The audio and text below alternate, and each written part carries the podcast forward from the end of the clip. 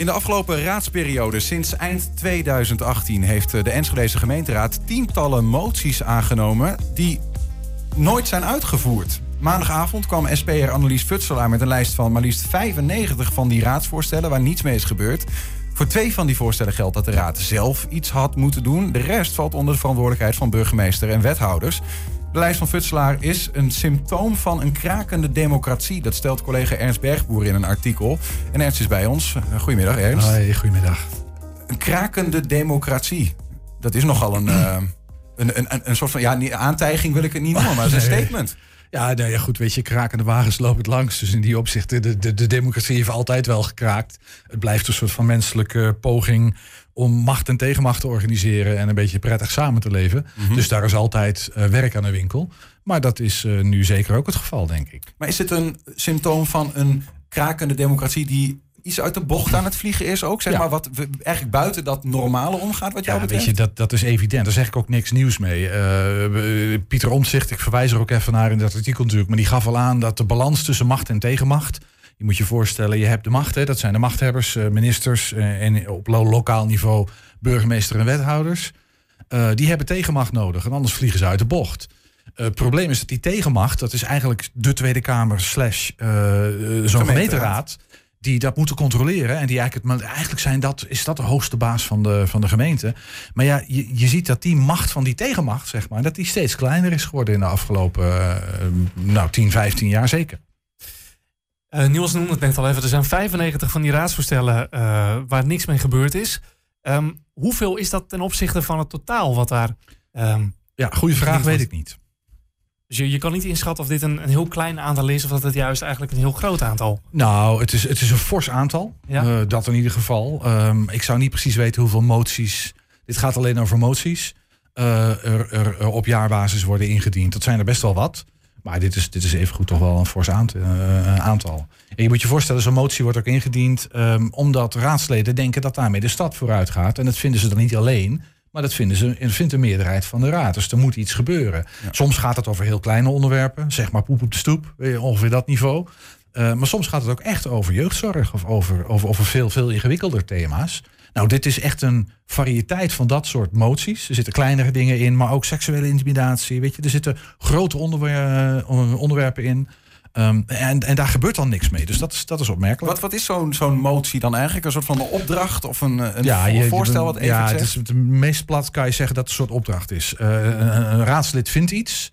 Uh, schrijf dat op in een voorstel. En zeg van ik vind dat dit zou moeten gebeuren in de stad. Uh, dient dat in, dat heet dan een motie. Ja. En dan wordt er over gestemd. En dan zegt een deel van de raad van ik ben het ermee eens, ben het deel. En dan uiteindelijk, nou ja, als een meerderheid van de raad daarvoor is, mm -hmm. dan wordt zo'n motie en zo'n voorstel aangenomen. En dan wordt dat een opdracht aan het college. Dan moet het college zorgen dat wat in die motie staat ook echt wordt uitgevoerd. Ja. Nou, dat laatste gebeurt dus niet altijd. Maar wat is nou de reden dat dit allemaal blijft liggen? Is dit gewoon uh, is dit onkunde?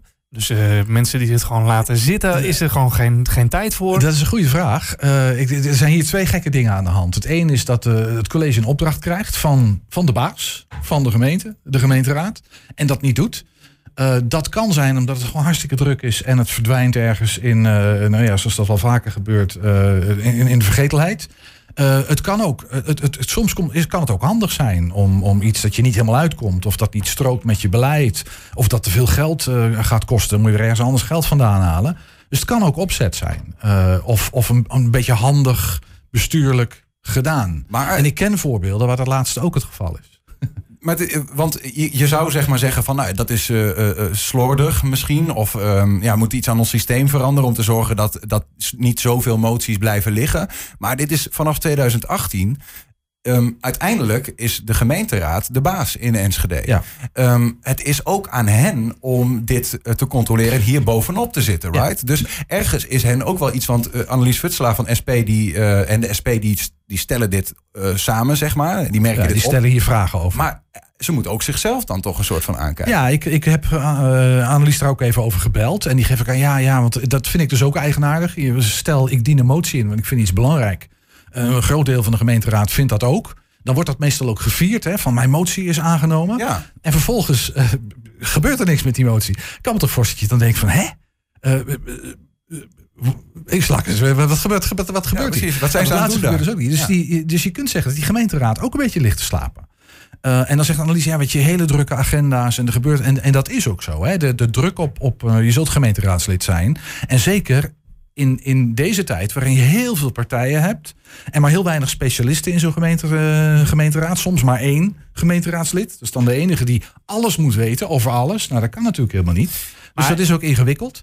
Maar, maar, het is geen excuus. Hier kraakt de democratie. Maar is, dit, is dit nou gewoon een, een exceptioneel voorbeeld van dat dit in Enschede heel erg is ten opzichte van de rest van het land? Of gebeurt dit in elke gemeente? Nou, ik, eh, mijn donkerbruine vermoeden is, en dat durf ik eigenlijk wel op een briefje te geven. Ik heb daar geen onderzoek naar gedaan.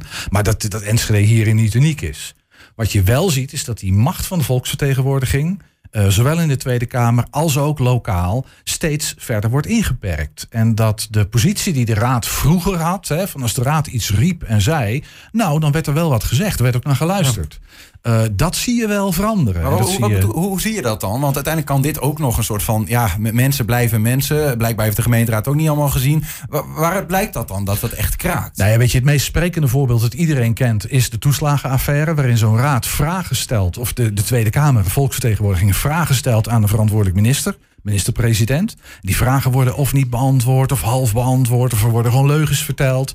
Weet je, dat spel kennen we allemaal. Dat is een, een heel sprekend voorbeeld van waarop die raad, waar je merkt dat, die, dat, dat zijn volksvertegenwoordiging niet, niet echt serieus genomen wordt. En een beetje om de tuin wordt geleid. Soms echt heel erg om de tuin wordt geleid.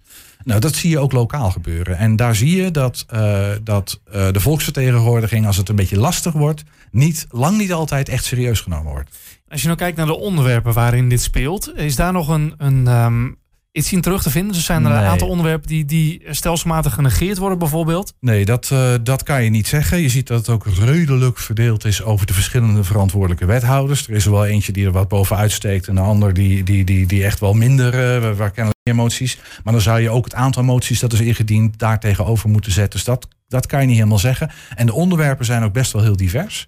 Um, dus dus ik, daar, daar heb ik nog geen patroon in ontdekt, laat ik het zo zeggen ik, ik zit me ook af te vragen, um, is dit dan nu dat de SP dat helemaal moet onderzoeken, dat je dat opmerkt? Want we leven in 2021. Je kunt toch ook een soort van systeem maken waarin uh, het college zegt, we hebben aan deze motie, hups, we hebben daar gehoor aan gegeven. En als je te veel rode vinkjes hebt, dan gaat er ergens een alarmbel in de gemeenteraad. Ja, nou, dat laatste, er is een lijst, uh, die is niet publiek, maar er is wel een lijst waarin al die moties worden opgeschreven en uh, een afvinklijst. Dus als die motie is afgehandeld, dan komt hij terug naar de, naar de raad in dit geval. Dan komt er een vinkje achter van, nou, hier is wat mee gedaan, dus uh, dat is uitgevoerd.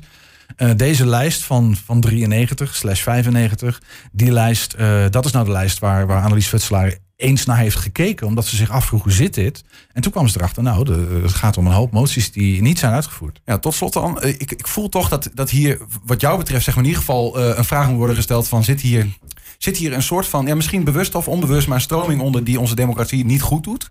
Volgens mij is dat ook de, de reden waarom Annelies Futselaar hier vragen over heeft gesteld.